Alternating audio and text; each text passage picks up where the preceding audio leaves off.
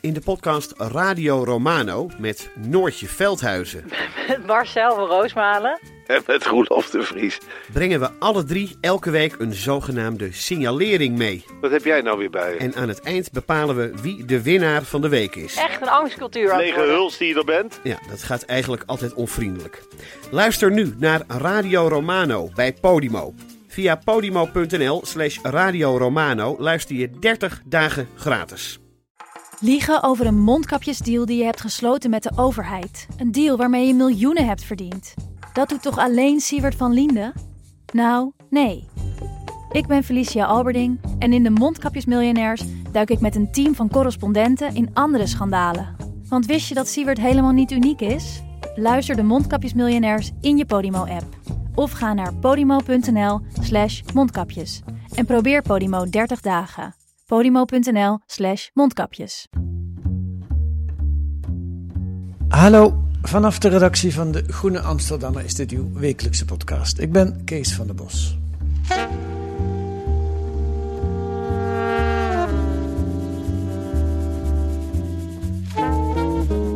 De evacuatie uit Kabul komt te laat voor veel Afghaans personeel, meldde de Volkskrant gisteren. Minka Nijhuis heeft vaak verslag gedaan vanuit Afghanistan onder andere. Ze is de afgelopen week druk in de weer geweest om haar fixer naar Nederland te halen en dat is gelukt. Je schudt al nee, nee, nee, Minka. nee, nee, echt niet. Nee, ik vind haar, haar fixer vind ik zo, dan eigen je dat zo toe. Het is een collega. Oké. Ja? Is druk in de weer geweest om haar collega naar Nederland te halen en dat is gelukt. Familie van een collega. eigenlijk. Familie Ja. van een collega gaat het om. Sorry, En- nee, nee, nee, dat is allemaal heel precies moeten we zijn.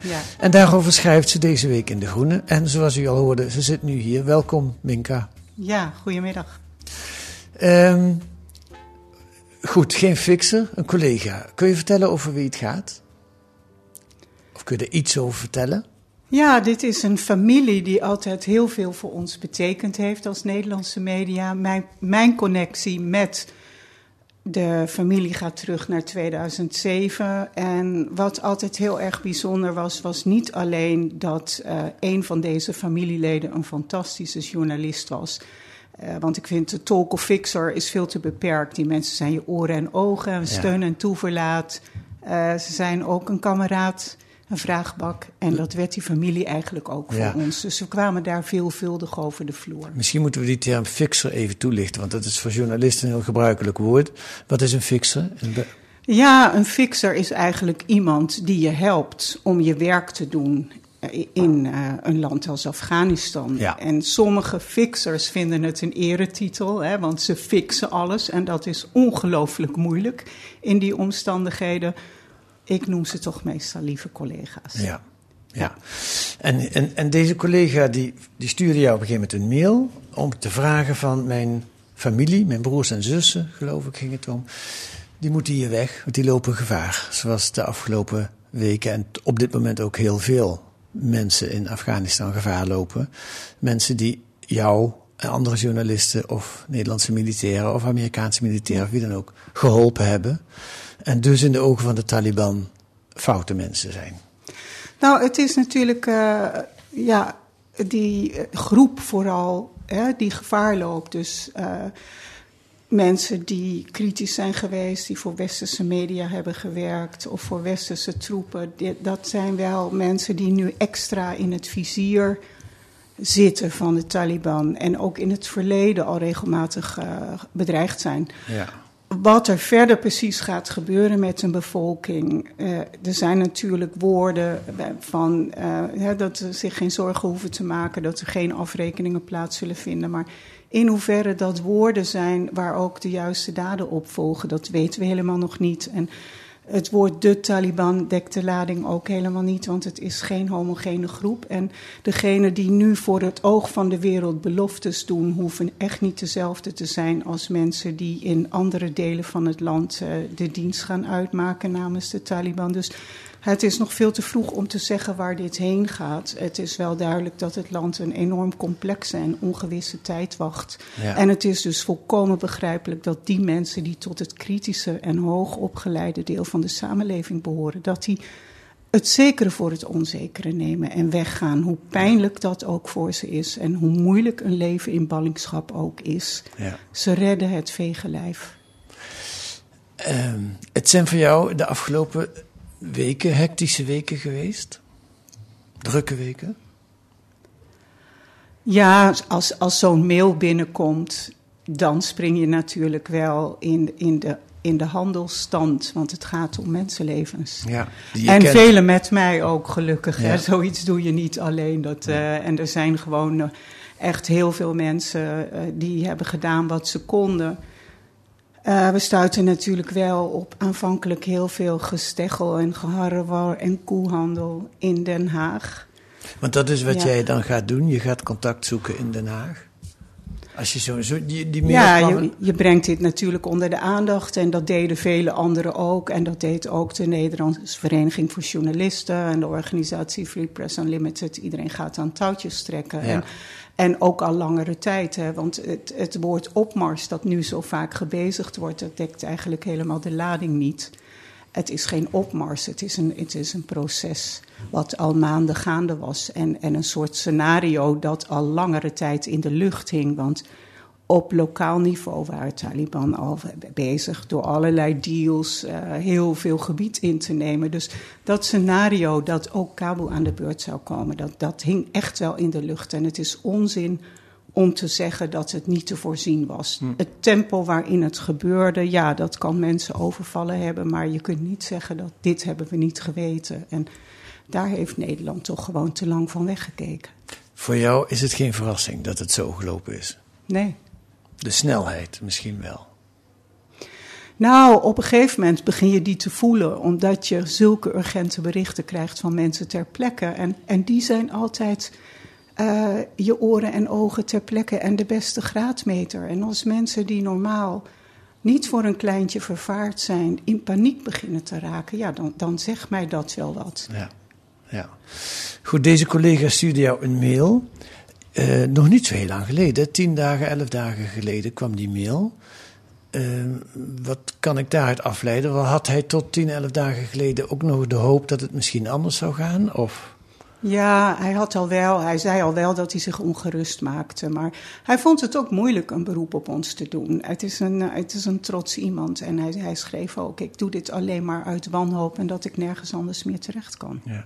En wilde hij zelf niet ook weg? Of, wilde, of eh, wilde hij, blijft hij zelf in? Hij, hij is al in het buitenland zelf. Hij is al ja. in het buitenland. Maar zijn broers en zussen nog niet. Daar was hij bezorgd voor.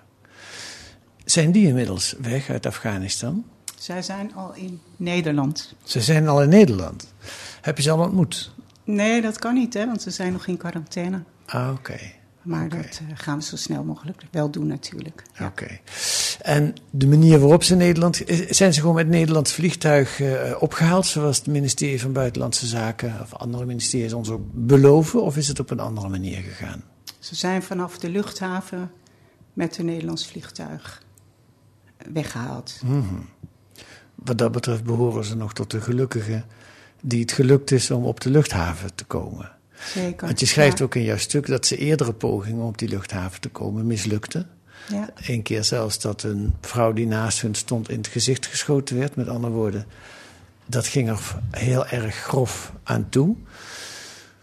Maar het is gelukt. En Ja. je, je kunt niet veel zeggen over hoe het gelukt is, hè, want dat zijn, dat, je, mag, je mag mensen niet in gevaar brengen. Ik kan zeggen dat ik eh, in de 30 jaar dat ik journalist in oorlogsgebieden ben, heel veel evacuatie van dichtbij heb meegemaakt. Eh, en deze staat wel op het lijstje als de meest chaotische. En dat mensen ontzettend veel te lijden hebben van pogingen om weg te komen. Dat is echt buitengewoon traumatisch als je nu probeert die luchthaven te bereiken. Dat is, er zijn mensen die staan daar dagen in een dicht opeengepakte massa, waardoor ze ook sterven. En eh, door verstikking, door hitte, eh, er is geweld, er wordt geschoten. Is- iedereen heeft inmiddels natuurlijk op zijn netvlies, waarvan je nu al weet dat gaan, die beelden gaan de geschiedenis in. Zo'n jongen die zich vastklampt aan een vliegtuig en te pletter slaat. als, niet als enige, maar dat beeld van hem zie je. En het is ook een jonge voetballer uit een jeugdteam. die gewoon en uit enorm in paniek was over de toekomst die hem mogelijk uh, te wachten stond. Mm. Dus ja, het is gewoon verschrikkelijk wat mensen meemaken. Er is heel veel leed. En er is ook nog heel veel leed dat we niet weten. Er zitten allerlei mensen ook in doodsangst ondergedoken. Tegelijkertijd moet je ook zeggen dat er mensen zijn die niet weg willen. Hè, die toch denken, we moeten dit aangaan. En we hebben uh, de afgelopen twintig jaar toch wel wat meer vrijheid geproefd. En, en, en we gaan ons weren. En uh, die zijn er ook. En daar kun je alleen maar ongelooflijk veel uh, respect voor hebben. En ja, de vraag is ook hoeveel ruimte gaan ze krijgen? Wat ze, kunnen ze doen? Hoeveel gevaar gaan ze lopen? Want dat, dat weten we gewoon allemaal nog niet. Nee. Nou, laten we naar één zo'n dappere vrouw luisteren. Uh, dat is een fragment dat haal ik van de site van de New York Times. Crystal Byatt uh, heet ze, activiste en schrijfster.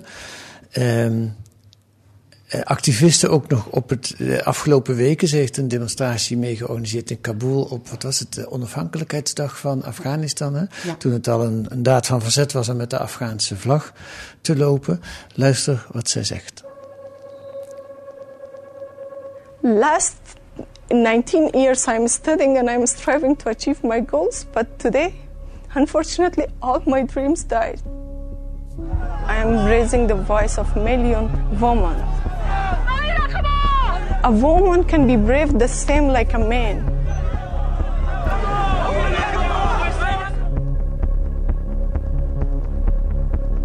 Twenty years and we have lots of changes in our society, and they are taking back all this from us. Everyone is scared now, and no one is saying anything bad about Talib. But I'm not scared of this. If they shoot me, still till till the time they shoot I will strive and I will seek my goals and I, I will not let them to deprive me from my fundamental rights. Stel je hierbij voor een jonge vrouw, misschien in de twintig, hoofddoek om, uh, met tranen in haar ogen. Dat is een van die dapperen waar jij bedoelt? Die, die, die, niet dat de anderen niet dapper zijn, maar de dapperen die blijven? Ja, en dit is ook een generatie die uh, zijn opgegroeid in een periode dat de Taliban geen deel uitmaakte van hun leven. Ze had nog nooit een Talib gezien. Ja, dat tot zegt recent, ze ook. Hè? Ja. En natuurlijk wel een stadse elite die, die op zich net zo goed een kloof heeft met, met het leven op het Afghaanse platteland. Dus uh, dat moet je dan ook wel in aanmerking uh, nemen. Dat zij natuurlijk niet symbool staat voor alle vrouwen in Afghanistan. Maar het is wel een voorbeeld van een jongere generatie die die zich die vrijheden die ze geproefd hebben, hoe beperkt ook, want de hele zogenaamde wederopbouw in Afghanistan de afgelopen twintig jaar heeft natuurlijk veel minder bereikt dan zou moeten, maar niet te min. Heeft zij vrijheden en, en ook mogelijkheden geproefd die ze zich niet zomaar wil laten afnemen. Dat nee. hoor je heel duidelijk aan haar. Ja. En het is vreselijk dapper om dat ook op, op de site van de New York Times met je gezicht erbij te zeggen. Sowieso al, want ze loopt denk ik, uh, daarmee grote gevaar in Afghanistan. Ja, hoe het zich allemaal gaat uitspelen, dat moeten we natuurlijk nog zien. Maar er zijn wel omineuze voortekenen dat mensen vervolgd gaan worden. Hm.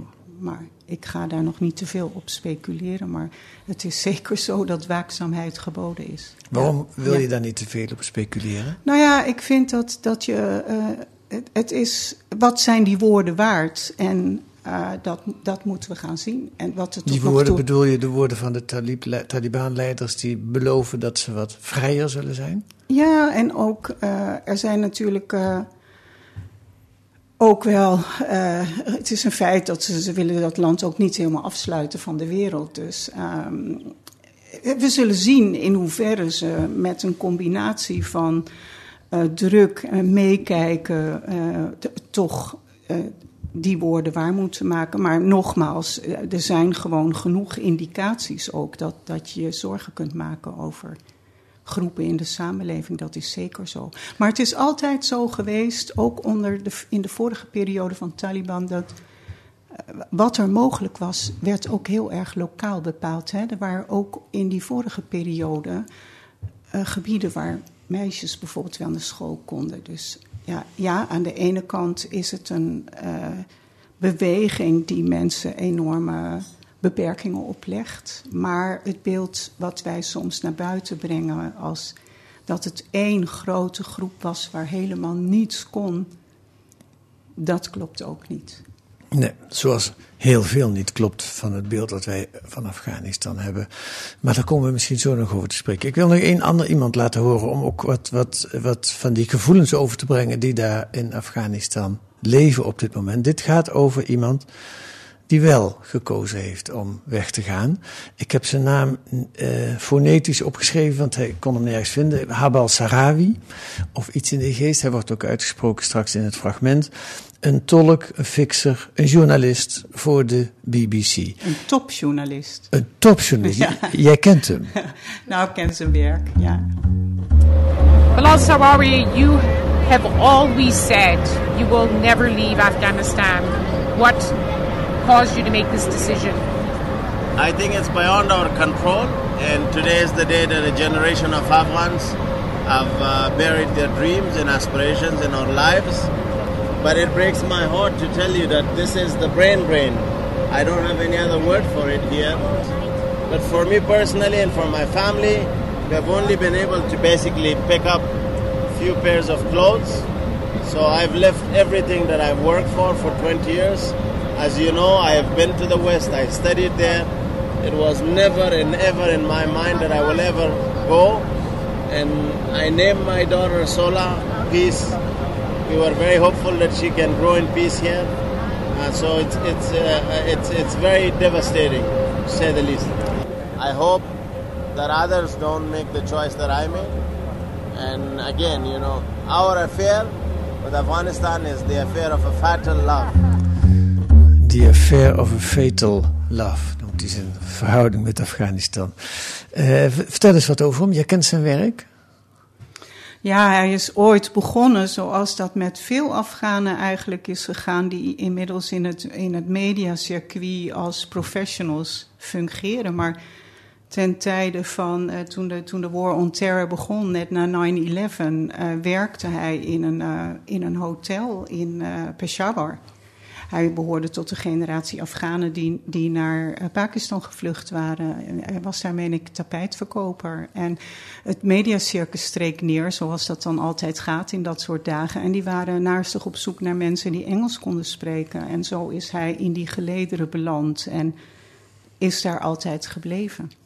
En waarom noem je hem een topjournalist?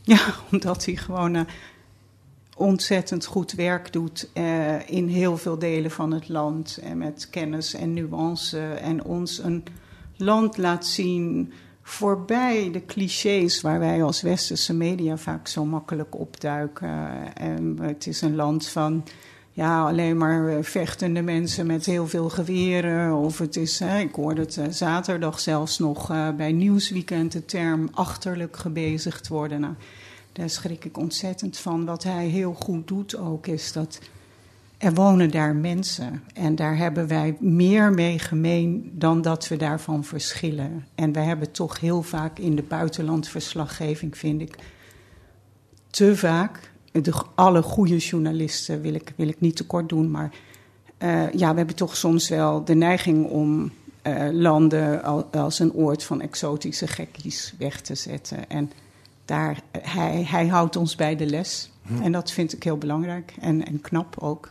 En hij doet het ook met een mildheid en een, zonder moralistisch te zijn. Maar hij stemt je eigenlijk altijd tot nadenken. Ik vond ook wel indrukwekkend hoe hij dat vertelt op de site. En in tegenstelling tot uh, Crystal Byett, die we eerst hoorden, hij is ogenschijnlijk heel rustig. Bijna als een journalist vertelt hij over zijn eigen lot. Maar het is natuurlijk verschrikkelijk. Dat zegt hij eigenlijk zelf ook met zoveel woorden. Ja, hij heeft ook ergens nog wel een soort hoop hè, om, een keer terug te komen. Of, maar ja, het is ook. Ja, het is een professional en, en hij misschien uh, vertelt hij het verhaal wel ook alsof het niet over hemzelf gaat. Maar ik zag ook nog een langer stuk van hem op de website en dat was een heel persoonlijk stuk. En daar proef je wel achter elke regel het diepe verdriet. Wat zegt het jou dat hij, zo iemand, zo'n topjournalist als, uh, zeg ik het eigenlijk goed, meneer Sarawi? Ja, dat die weggaat? Wat zegt dat jou? Of weg wil? Nou ja, hij, hij vertrekt echt wel tegen wil en dank. En het is iets wat hij nooit heeft willen doen. Dus um, ja, hij, hij wil echt het vegenlijf redden. En ik denk ook een betere toekomst uh, voor zijn familie. Hij wil voor nu het risico niet nemen. Maar wat ik wel opvallend vind, hij, hij, hij zegt in datzelfde verhaal ook nog wel: hopelijk hebben de Taliban lessen geleerd. Ja. Hè, en zal Ja. het er anders aan toe gaan, minder gewelddadig, heftig dan de vorige periode. Dus hij houdt de deur ook nog wel open. Dat viel me ook op. Ja. Net, net als jij dat Ja. doet, wil hij ook nog niet. Die Zonder naïef te zijn, hè? Zonder Ja. naïef te zijn. Ja. Ja. Over de rol van de journalistiek. Ik herinner me het prachtige boek van Bette Dam. Die ken je ook, hè, journaliste. Eh, op zoek naar de vijand. eh, die net als jij en een aantal anderen eh, gewoon op eigen houtje, niet embedded, eh, zoals veel andere journalisten in, in Afghanistan, gewerkt hebben. En zij heeft op, eh, ook tot opmerkelijke resultaten is, eh, gekomen. Ehm, zij is heel kritisch over de westerse berichtgeving in zijn algemeenheid. Ik proef dat bij jou ook. Je bent wat voorzichtig om dat uit te drukken misschien. Wat vind je van haar kritiek op de westerse beeld wat wij van Afghanistan krijgen uit de media? Ik vind dat we eh, veel meer kunnen doen om, om buiten, de, buiten de frames en de spins eh, te treden wanneer zo'n enorme machinerie van, van buitenlandse eh, legers en, en organisaties in een land aanwezig zijn. En ehm, ja, dat, dat vraagt gewoon dat je in de haarvaten van de samenleving begeeft. En er zijn genoeg journalisten die dat doen. Maar het zouden er meer kunnen zijn. En, en, het, en het jammere is dat we zo vaak een land weer als een hete aardappel laten vallen. We komen met z'n allen aangescheurd als, als de smoke jumpers, zeg maar, wanneer de vlammen uit het dak slaan. Maar de hele aanloop zien we vaak over het hoofd en, en de nasleep ook. Hè. Je kunt er al bijna op wachten dat het straks heel snel weer voorbij is met nieuws over Afghanistan. Je ziet eigenlijk nu al dat de focus ontzettend gericht is op de hoofdstad en de situatie rond de luchthaven. En terecht, buitengewoon dramatisch. Maar we weten nauwelijks wat er in, zich in de rest van het land uh, afspeelt. Ik zag beelden van verzet in de Panjshirvallei. En dan denk je meteen al, oh ja, dat wordt een heel, om het zo te zeggen, sexy verhaal. Want dat, dat zijn stoere mannen die zitten daar in die Panjshirvallei met een lange geschiedenis van verzet.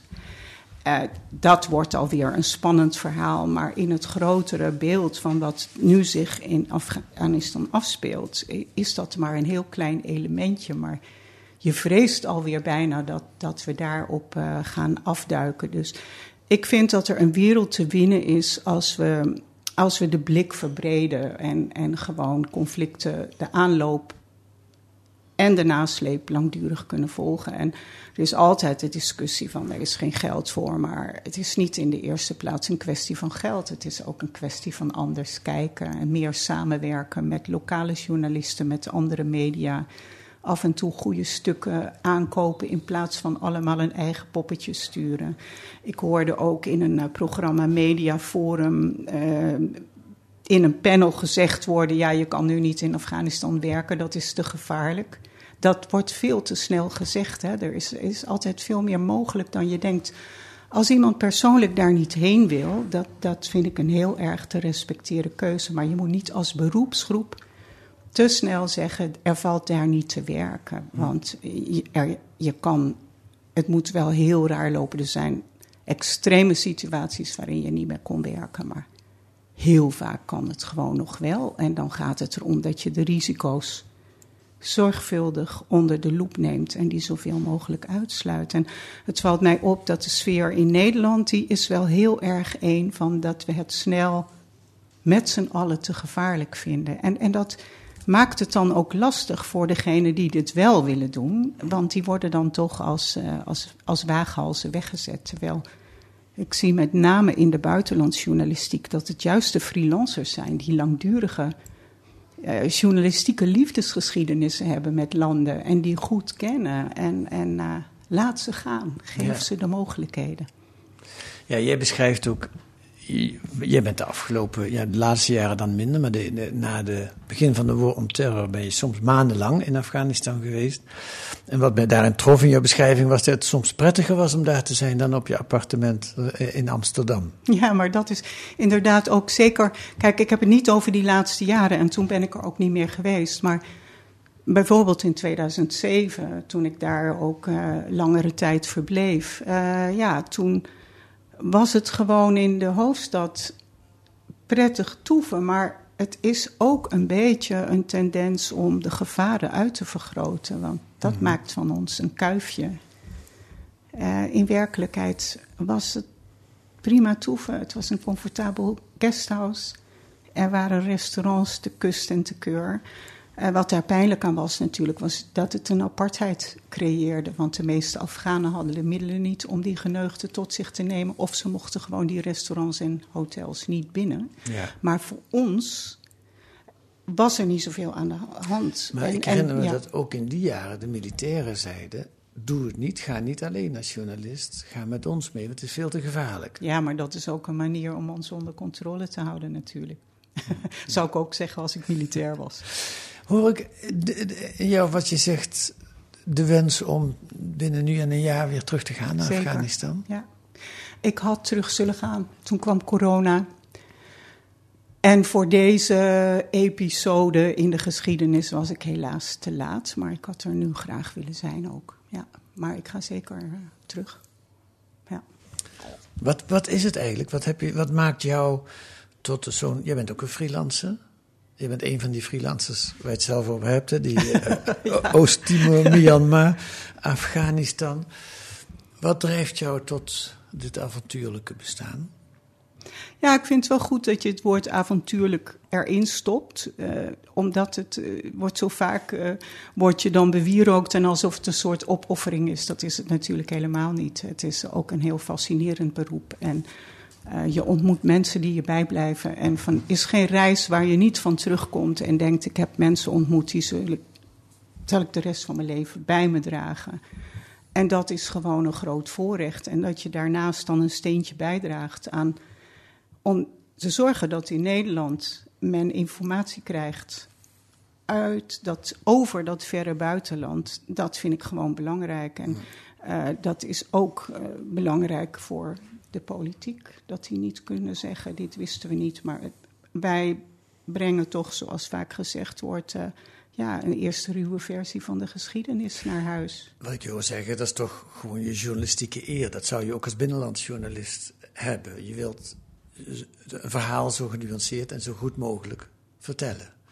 Ja, en ook zo indringend mogelijk. En, en vooral ook laten zien het menselijke gezicht achter, ja. achter het nieuws voorbij de stereotypen en voorbij de clichés. En die ons maar al te makkelijk worden aangereikt door alle propagandamachines. En ik vind het des te belangrijker in een periode waarin er zoveel populisme en, en vijanddenken uh, in een samenleving sluipt. En een roep heel luid klinkt om grenzen onverbiddelijk te sluiten. En ik denk dat het heel belangrijk is om te laten zien wat dat verre buitenland is. Maar het is ook gewoon avontuur. Natuurlijk. En er, er wordt ook heel veel gelachen. En er ontstaan bijzondere vriendschappen. En het is helemaal geen opoffering. En het is ook echt niet zo dat we elk uur dat we in, zo'n gebied zitten ons leven wagen. Dat, ik vind dat je daar best wel wat nuchterder over mag vertellen. Nog één citaat van jou tot slot. Uh, dat is eigenlijk een heel ander ding, maar ik wil toch even aanroeren. Uh, met oren en ogen ter plekke zijn is vandaag de dag al lang niet meer genoeg. De druk op journalisten om zich te profileren is groter dan ooit. De oorlogs, oorlogsverslaggever moet geen bescheiden getuige zijn die zich in dienst stelt van het verhaal, maar een verteller die prominent optreedt, liefst met foto's van helm, scherf, vest of burka. Met gevaar voor eigen leven wordt er dan te pas en te onpas als reclame toegevoegd. Dat is waar, dat, die druk voel je soms? Ja, maar ik, ik geef er niet aan toe. Zo, zo simpel is het. Dankjewel Minka voor dit gesprek. En ik ben heel benieuwd wat je, met waar je mee terugkomt de volgende keer uit Afghanistan. Dankjewel.